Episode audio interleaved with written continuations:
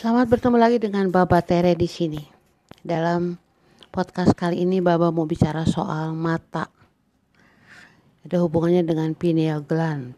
Jadi Baba sadar ya bahwa makhluk hidup pertama yang ada di bumi itu terbentuk melalui mata sebagai mata berbentuk mata Bahkan konon kabarnya pada saat janin itu ada di rahim. Yang pertama kali bentuk yang hadir adalah mata. Menarik ya? Nah, apa itu mata? Apakah mata bisa kita percayai? Ya, mata itu adalah alat. Alat untuk apa sih? Alat untuk menangkap cahaya. Itu membuktikan bahwa kita semua berasal dari kegelapan. Dan mata itu yang pertama kali berhasil menangkap cahaya. Mata juga adalah yang menciptakan cahaya. Jadi tergantung ya, mata itu mata yang bisa melihat segala sesuatu karena dia menangkap cahaya. Cahaya dengan berbagai macam cara. Bisa kumbang, bisa ikan, bisa ekor kucing, bisa manusia, bisa seekor burung, bisa semesta. Apa saja. Semua, semua yang saya sebutkan tadi termasuk diri kita itu bisa, mampu melihat karena mempunyai mata dan mampu melihat segala sesuatu yang berbeda-beda. Tetapi intinya adalah semuanya mengamati hal yang sama. Sesuatu yang kadang-kadang kita tidak terlalu ambil pusing bahwa sebenarnya kita semua melihat pada hal yang sama dan kita tidak mau menerima kenyataan itu. Bahwa segala sesuatu yang kita lihat itu tergantung dari kemampuan kita melihat itu. Yang melalui jutaan-jutaan tahun evolusi, setiap organisme yang ada itu mempergunakan alat untuk menangkap cahaya sebagai cara untuk mengidentifikasi ruang di mana mereka bergerak. Mata adalah suatu klaster fotosensitif yang berupa sel-sel yang mengubah cahaya menjadi detak-detak elektrik, detik-detak-detak listrik melalui urat syaraf, melalui syaraf-syaraf yang akhirnya membawa data-data itu ke otak kita di mana di sana diproseslah image-image itu.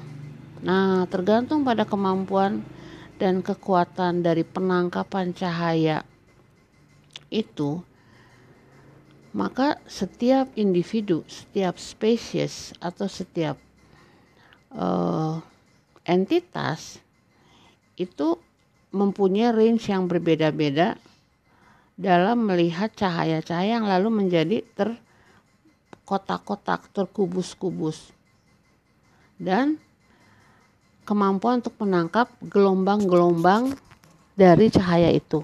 Apakah bisa lebih cepat, lebih lambat, lebih pendek, lebih tinggi, bahkan memperkenalkan satu warna itu bisa kelihatan lebih jelas dibandingkan dengan warna-warna lain. Itu yang membuat mengapa binatang bergerak di malam hari dan memiliki cahaya untuk ditangkap berbeda dengan manusia yang bergerak di siang hari.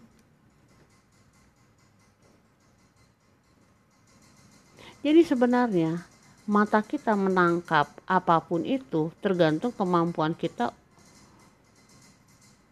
dalam mengamati, dalam menjadi seorang pengamat. Jadi apa yang kita lihat tergantung apa yang kita amati. Nah, realitas itu secara re, bersifat relatif bagi setiap pengamat. Jadi apa pun yang kita lihat di dunia ini akan tergantung pada kemampuan kita untuk menangkap apa yang kita lihat itu. Semakin kemampuan melihat dunia itu semakin terbatas yang dibatasi oleh tradisi, kepercayaan, ideologi, pengalaman hidup sendiri, maka cara kita menangkap dunia juga menjadi sangat-sangat terbatas. Terbatas untuk hal-hal yang kita ketahui. Lalu kita hidup dalam perbandingan. Kita mengamati tapi lalu kita membanding-bandingkan. Maka ini adalah tantangan untuk mengekspansi dunia kita kalau kita membuka diri kita terhadap realita-realita yang baru, pengalaman-pengalaman baru, cara-cara pola pikir yang baru, cara-cara bertingkah laku yang baru. Maka visi kita akan lebih-lebih besar. Dan itu akan memberikan kita kemungkinan untuk mengintegrasikan konsep-konsep yang jauh lebih besar yang ada di dunia ini dengan semua kemungkinan-kemungkinan yang tidak terbatas. Itu namanya transformasi.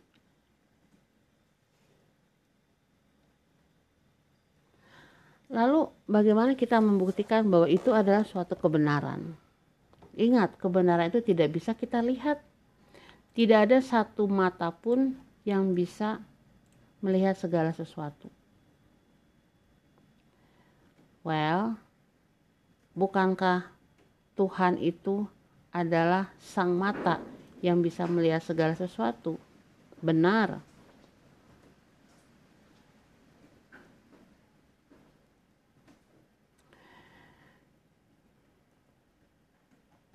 Apakah karena Tuhan itu hanya mempunyai satu mata sehingga dia bisa melihat segala sesuatu. Kenapa timbul pertanyaan itu?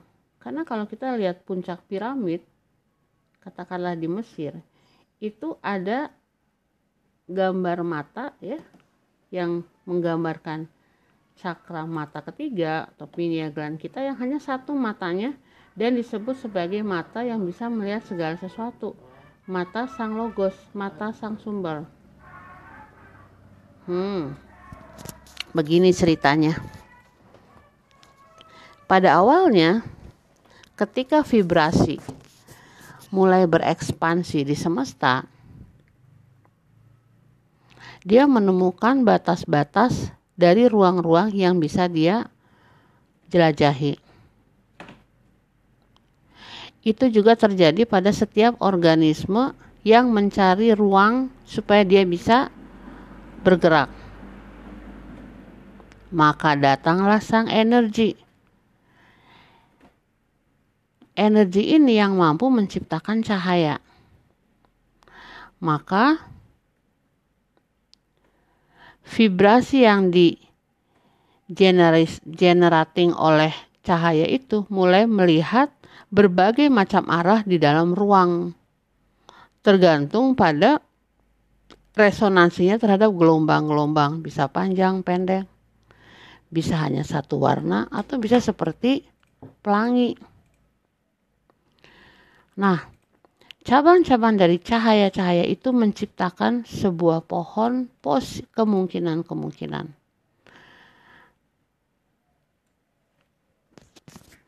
Dan setiap ujung dari pohon itu mulai mencari cahaya. Jadi coba bayangkan ya, kalau Anda adalah satu entitas yang mencari untuk melihat segala sesuatu, tetapi hanya mempunyai satu mata sehingga menghalangi Anda untuk melihat realita dari berbagai macam perspektif. Maka dari satu mata kesadaran itu lalu dia membelah menjadi dua yang satu melihat ke cahaya, yang satu melihat ke bayangan. Ya, bayangan. Itulah saatnya keseimbangan semesta tercipta. Nah, dari keseimbangan itu, maka timbullah kemungkinan untuk memfokuskan pada apa yang disebut jalan yang sifatnya netral yang berada di tengah-tengah antara dua mata itu.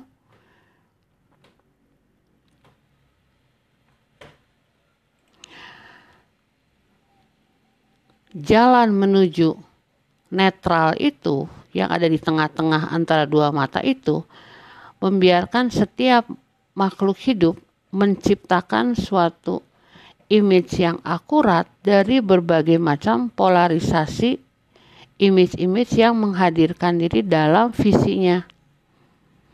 Lalu dia menjadi berlimpah, dia menjadi berlipat ganda sampai miliaran. Setiap daun dari pohon semesta itu menjadi satu mata lagi, menjadi satu mata lagi. Dengan cara ini, semua kumpulan mata-mata yang berasal dari satu mata itu yang disebut great eye bisa melihat sesuatu yang jauh lebih lebih lebih dari sebelumnya. Paradoksinya adalah semakin banyak perspektif, semakin kita lebih baik dalam mengerti apa itu kebenaran. Ya, tapi ada sesuatu yang bersifat counterproduksi karena semakin banyak konflik antara visi-visi yang dilihat oleh mata. Jadi bagaimana caranya the great eye, sang satu mata kesadaran itu melihat apa yang real. Ya betul karena mata-mata yang ada ya semua mata-mata yang ada yang berasal dari satu mata utama itu ketika melihat dalam ekspansi visi mereka tetapi tidak mampu mengintegrasikannya bagaimana cara supaya mampu mengintegrasikannya ya gampang kedua mata itu dan semua mata-mata itu harus tertutup dan mulai melakukan kontemplasi, melakukan refleksi ke dalam diri. Itu yang disebut pineal gland, mata ketiga. Trinity dari visi. Ya, betul. Dua mata lainnya, dua mata pertama itu merepresentasikan dualitas yang memfokuskan diri pada cahaya dan kegelapan, pada hal-hal yang logis dan hal-hal yang tidak logis pada hal-hal yang bersifat seni yang bebas dan ilmu pengetahuan yang pasti. Feminim dan maskulin yang semuanya itu mencari secara konstan berkreasi untuk menemukan bentuk-bentuk baru. Tetapi di belakang keduanya ya ada sebuah pusat di mana semua esens dibentuk. Pertama, kita harus mengerti apa yang selalu dikatakan orang bijak. Segala sesuatu yang kedua matamu lihat adalah sebuah perspektif, persepsi yang bersifat eksternal. Dan itu adalah yang bisa ditangkap oleh sel-sel fotosensitif yang jumlahnya tak terhingga yang ditransmisikan oleh syaraf-syaraf okular ke dalam otak. Semuanya bersifat sangat-sangat uh, sederhana. Data yang sederhana seperti matematika.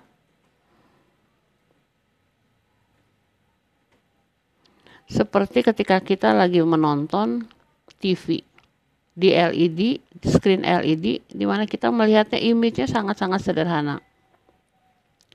Lalu image-image yang dikirim itu diproses oleh otak dengan cara melakukan bayangan-bayangan di setiap indera-indera yang bisa menangkapnya. Nah, image-image yang disatukan di dalam diri itu segala adalah sesuatu yang saling bertentangan. Seperti sebuah foto yang ada sisi negatif. Ya. Nah, di otak hal-hal yang negatif itu lalu diasimilasi oleh neurons-neurons berdasarkan data-data sebelumnya. Lalu dengan cepat membandingkan informasi baru itu dengan segala sesuatu yang sudah diproses sebelumnya. Ini membuat sebuah pola pikir yang sangat-sangat selektif. Yang ternyata mempunyai kemungkinan untuk membuang kebanyakan dari info itu karena dianggap tidak dipentingkan, tidak diperlukan. Kenapa?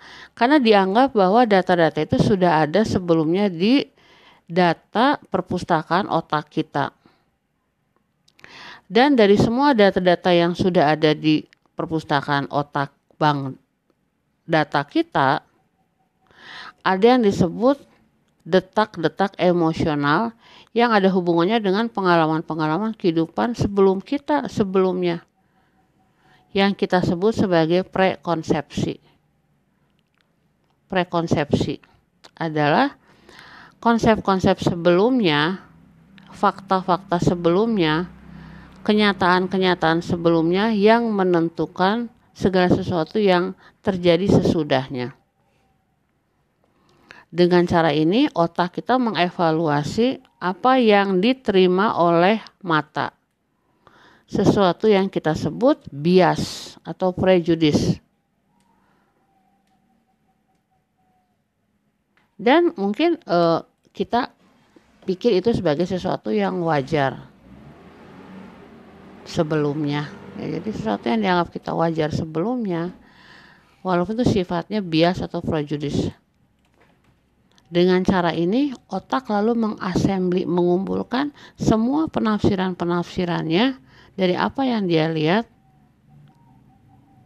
Sehingga sebenarnya apa yang kita observasikan itu benar-benar bukan menjadi sebuah kebenaran yang mutlak. Nah, si kebenaran yang mutlak itu hanya dapat kita peroleh dari visi ketiga yang berasal dari dalam diri kita. ya. Nah, itu yang disebut sebagai mata ketiga yang juga mempunyai konsep dan ide-ide. Nah, mata ketiga ini dia menangkap memanage semua konsep-konsep uh, yang ditangkap yang kita sebut sebagai inner truth, kebenaran yang sejati.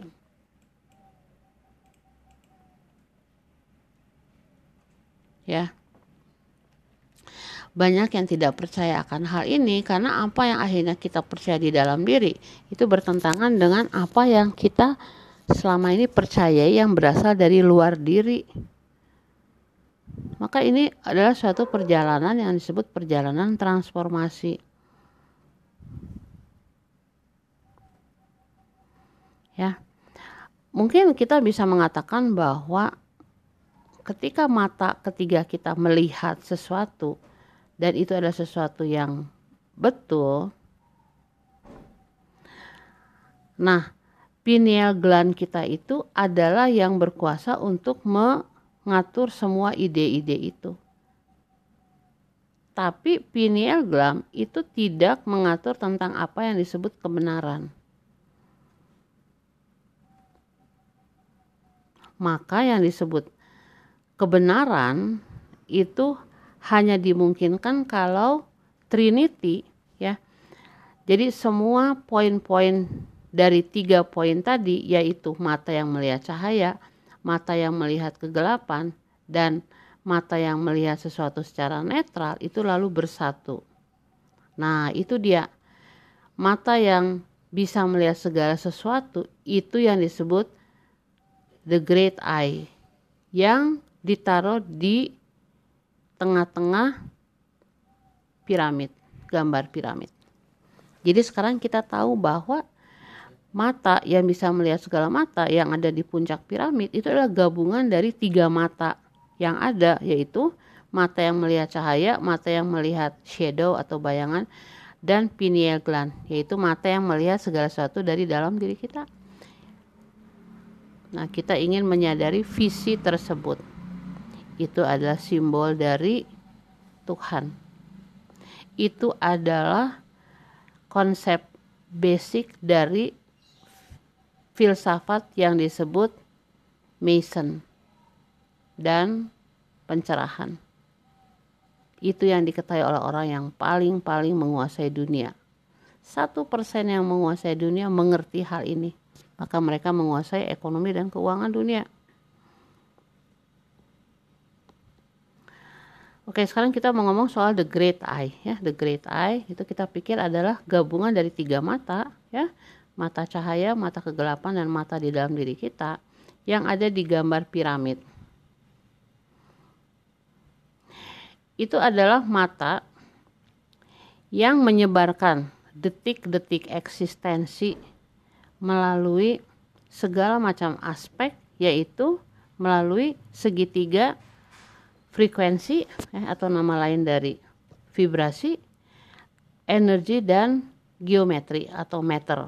Nah, kalau Anda sudah menyimak pelajaran baba sebelumnya, kita itu ber, kita itu hidup dalam dunia segitiga jadi dalam dua kalimat terakhir ini aja dua segitiga ya. Segitiga pertama adalah segitiga mata cahaya, mata gelap dan mata dalam atau internal eyes.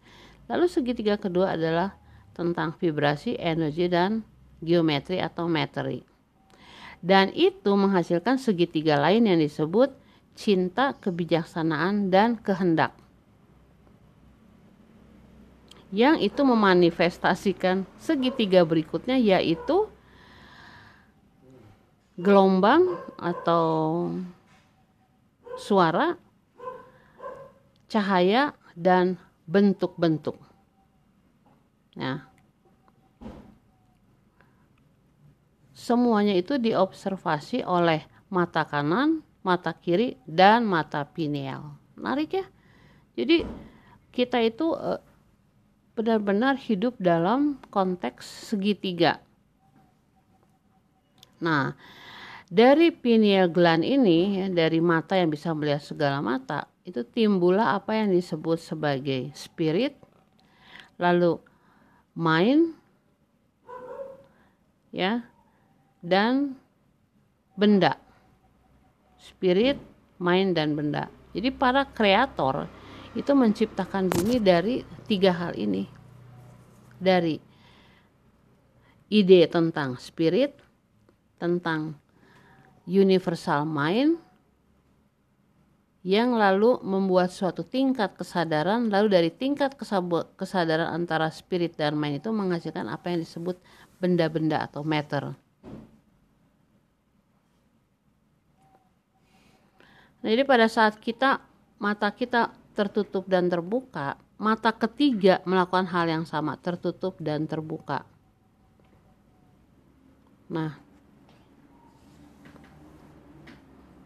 secara hormon ya, kalau kita bicara soal hormon, ketika pineal gland itu yang bertanggung jawab untuk menyebarkan reaksi-reaksi kimia yang membuat kita ngantuk atau membuat kita bangun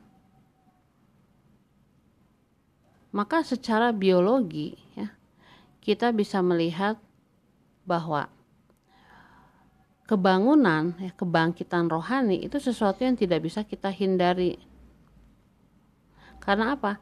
Karena pada saat kita membuka mata kita kita tuh kayak diarahkan untuk mencari cahaya untuk bergerak dalam hidup untuk melakukan kegiatan-kegiatan sehari-hari yang pada saat yang bersamaan di sisi lain dari segitiga itu ya pineal gland kita mata ketiga itu berusaha ber, mengatakan kepada kita bahwa oke okay, sudah cukup.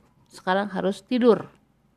Jadi si mata ketiga itu yang mengingatkan kepada kita tentang kelelahan kecapean bahwa jangan memaksa mata kita untuk terus terbuka. Jadi perlu juga kita untuk tidur Si mata ketiga itu yang mengatur kapan kita bangun, kapan kita tidur, baik secara fisik maupun secara spiritual. Ya, nah itu yang harus kita sadari bahwa tidak ada seorang pun yang menjalani hidupnya terus bangun.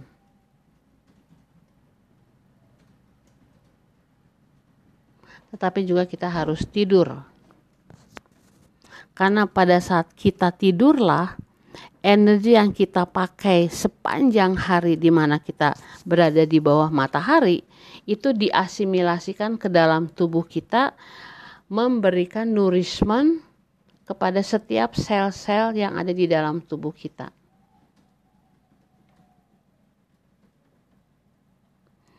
Itu adalah saatnya di mana kita tidak lagi mempergunakan energi yang selular ya. Nah, pada saat kita tidur itu energi yang kita butuhkan adalah bukan energi yang berasal dari matahari.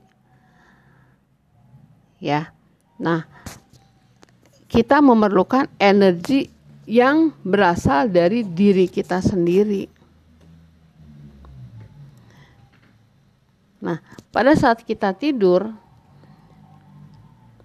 memang itu adalah saat di mana semua semua uh, energi yang kita pakai pada siang hari itu lalu kayak diasimilasikan disatukan dengan tubuh kita. Itu yang memberikan uh, makanan kepada setiap sel-sel tubuh kita. Itu sebabnya kita butuh untuk tidur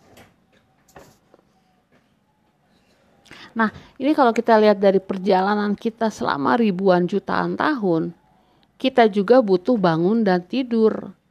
Jadi sekarang ini misalnya kita lagi katakanlah kita lagi tidur ya, kalau yang belum sadar kita lagi tidur. Nanti ketika kita mati secara raga, kita bisa bangun di dimensi kita masing-masing. Nah, itu latihannya di kehidupan ini. Kita harus mempunyai keseimbangan antara bangun dan tidur. Nah, kalau kita secara spiritual tidak bangun-bangun dan terus tidur-tidur, maka kita tidak mengalami apa yang disebut keseimbangan. Tetapi, tetapi ini yang kontradiksi ini. Semua light worker, starship, wanderer, dark worker itu sekarang kita uh, kita apa ya kita katakanlah sekarang kita semua sedang bangun kita semua lagi terbangun. Nah, kita semua terbangun ya, sel-sel tubuh kita terbangun, mata ketiga kita terbangun, cakra-cakra kita teraktivasi semuanya. Nah, kenapa kita harus benar-benar bangun saat ini? Supaya setelah kita meninggalkan raga kita, kita bisa benar-benar tidur. Kita bisa tidur 2000 tahun, 5000 tahun, 10000 tahun. Untuk next misi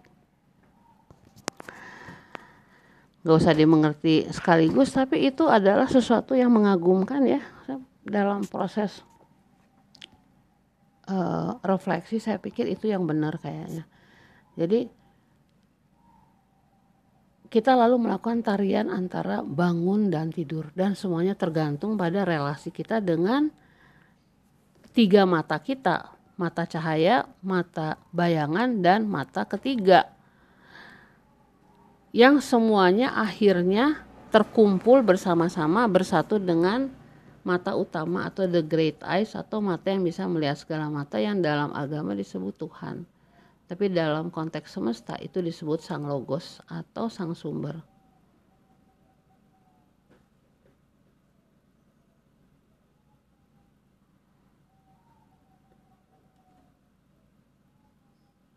Oke, sekarang kita mau ngomong lagi soal pineal gland ya. Kita mau ngomongin soal pineal gland di mata ketiga. Dari sudut emosi.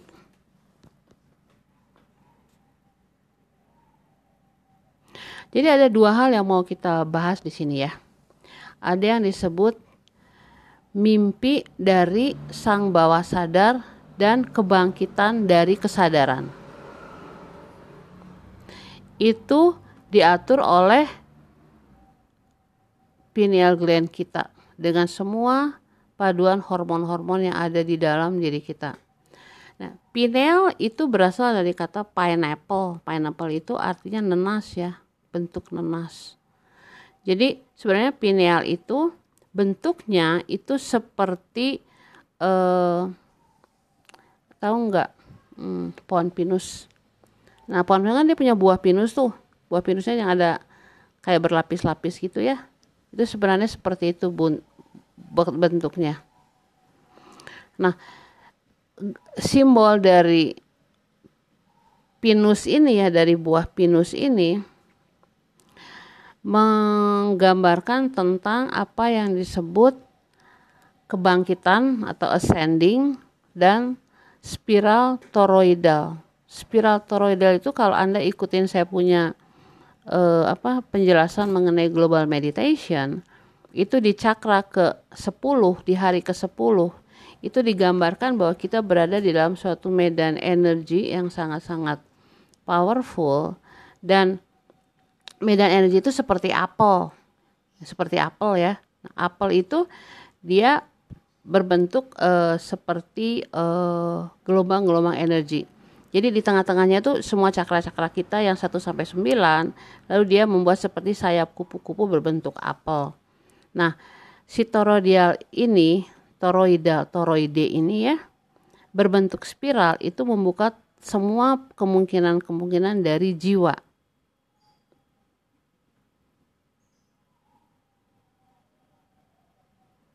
Nah, pineal ini kalau misalnya kita gambarkan seperti pohon ya, seperti sebuah pohon, dia tuh seakan sebuah pohon pinus yang tinggi banget yang pucuknya itu mengarah ke langit.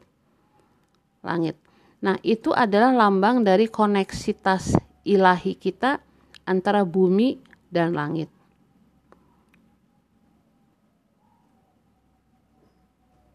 Nah, kalau secara historis, secara sejarah, si pusat kekuatan itu menjadi suatu pusat yang memperkenankan kita melakukan koneksitas dengan planet-planet lain dan dengan keilahian.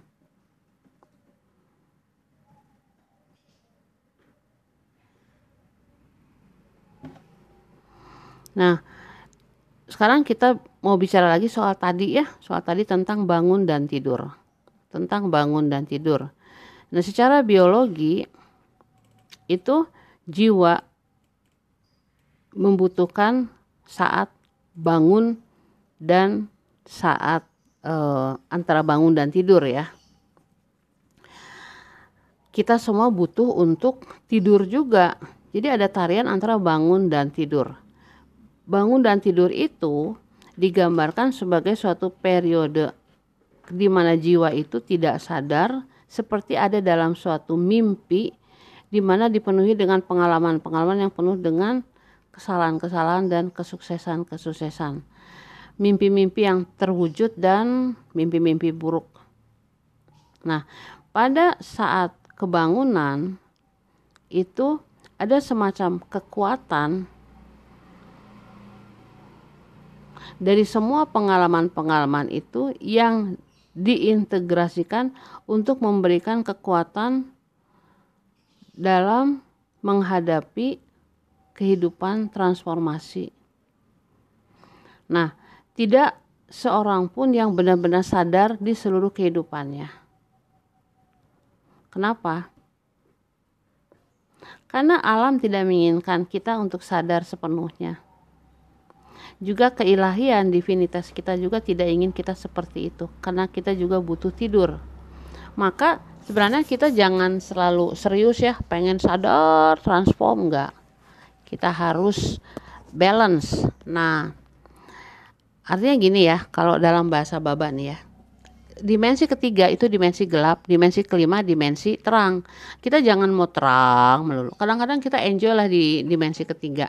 Ya, kalau baba tuh kadang-kadang uh, jadi cahaya. Tapi kadang-kadang ya kita ngegosipin orang tanpa menghakimi diri sendiri. Nah itu kunci yang terakhir tuh. Kita tidak boleh menghakimi orang lain dan tidak boleh menghakimi diri sendiri. Terutama dalam transformasi kita tidak punya hak sama sekali untuk menghakimi mereka yang masih tidur atau mereka yang sudah bangun.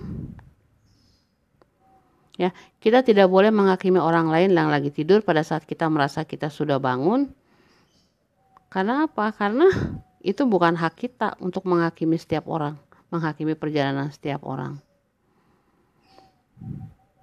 Jadi memang nggak ada seorang pun yang secara penuh sadar di seluruh kehidupannya. Dia adalah suatu tarian. Ya, suatu tarian yang sangat-sangat indah. Jadi intinya satu sih jangan menghakimi diri sendiri, jangan menghakimi orang lain. Ya, nggak bisa. Kita nggak punya hak untuk itu.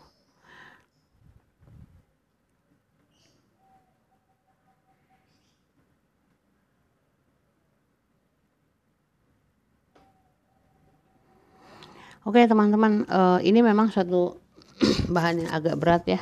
Tapi sebenarnya dalam bahasa yang sangat sederhana itu adalah sebagai berikut. Dalam kehidupan kita merupakan suatu proses kehidupan yang sangat panjang ketika kita uh, menari antara buka mata dan tutup mata.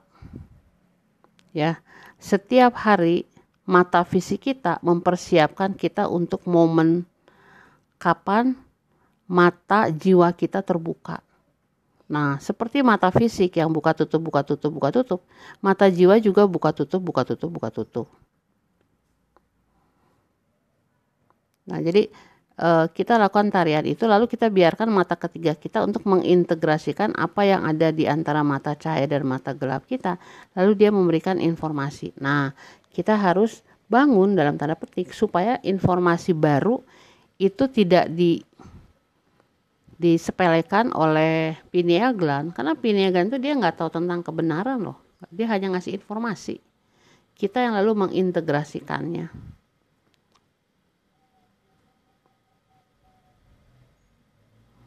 menarik ya menarik sekali buat bapak ini suatu yang mengagumkan jadi uh, teman-teman dengan kata lain kita tidak tahu apa itu kebenaran mutlak. Saya hanya bisa melihat bagian dari kebenaran itu.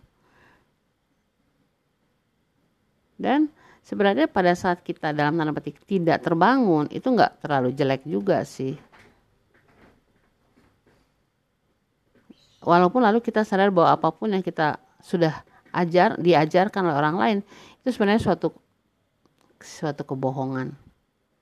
Tetapi dalam kenyataannya, manusia itu mengalami suatu kebangunan rohani dan siapa yang bangun duluan itu melihat uh, keindahan hari lebih cepat aja dibandingkan mereka yang nggak bangun. Yang bangun siang kan nggak bisa lihat matahari terbit ya.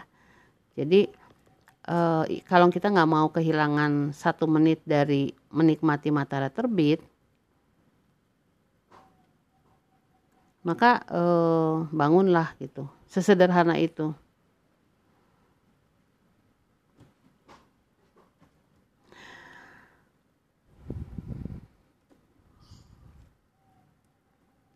jadi sebenarnya udahlah kita berhenti untuk eh, menghakimi orang lain menghakimi diri kita sendiri kita bebaskan diri kita untuk bangun dan tidur kapan pun juga kita lakukan tarian semesta.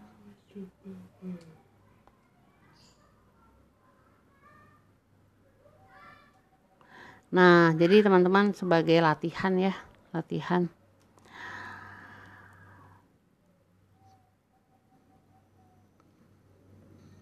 Untuk mereka yang merasa sudah melakukan awakening, itu belajarlah untuk memeluk sisi-sisi bayangan Anda di kekinian di saat ini kita tuh biasanya hidup di masa depan. Kita merencanakan masa depan, apa yang terjadi di masa depan.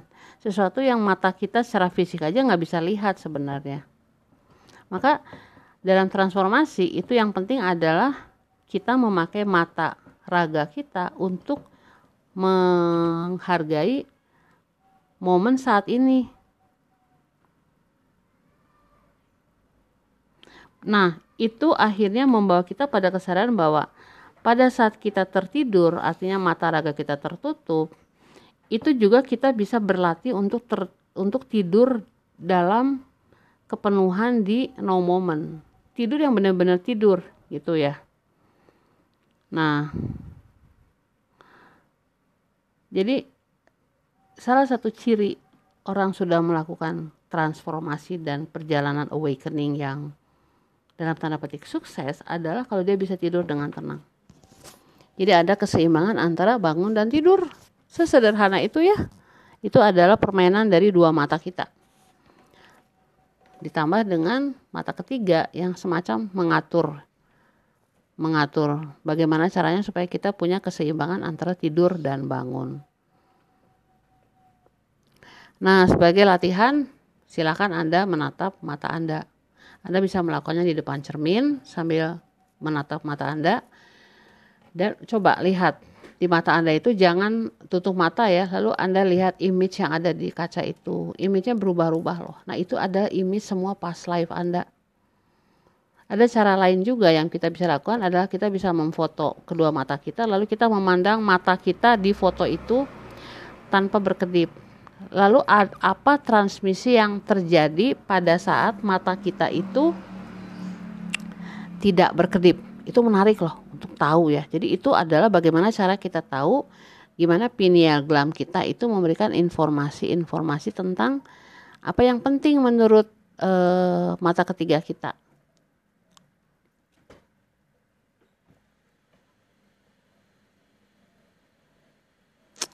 Oke, nah begitu dulu ya teman-teman ya.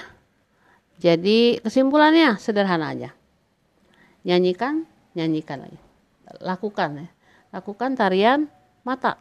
Ada tiga mata kita, lalu kita lihat kapan mata kita ingin bangun dan kapan mata kita ingin tidur. Pada saat mata kita bangun, belum tentu kita hanya melihat cahaya. Pada saat kita melihat bayangan kegelapan, itu juga pada saat kita bangun loh. Karena kebangunan rohani itu nggak ada hubungannya dengan memilih salah satu apakah cahaya atau kegelapan. Dua-duanya harus kita bangunkan, harus kita sadari di kekinian. Lalu kita biarkan si informasi dari mata cahaya dan mata bayangan kita itu diintegrasikan oleh mata ketiga kita lalu kita akan mendapatkan intuisi tentang kebenaran baru yang dapat kita uh, mulai latih. Ya ini semua tentang latihan. Ini semua tentang latihan. Supaya suatu saat in the long run dalam suatu kehidupan yang ribuan tahun setelah kehidupan sadar ini di bumi Indonesia, ya katakanlah sejak Anda lahir sampai Anda meninggal. Nah, setelah masa ini selesai, ketika Anda kembali ke dimensi Anda, planet Anda, tempat Anda berasal, Anda bisa tidur dengan tenang. Sebelum bangun lagi di uh, entah planet lain, entah dimensi lain, kita nggak tahu tergantung pada pekerjaan Anda di kehidupan saat ini. Oke teman-teman, eh, ini adalah salah satu podcast yang susah, yang sulit dimengerti, tapi harus didengar berkali-kali untuk mengetahui esensinya. Esensinya adalah gabungkanlah ketiga mata kita untuk akhirnya menjadi the great eyes, mata yang besar, mata yang bisa melihat segala mata, mata yang digambarkan di uang dolar Amerika Serikat, mata yang ada di puncak piramid. Lalu kita mengetahui segala sesuatu karena lalu kita bersatu dengan mata yang bisa melihat segala mata dan kita adalah sang mata.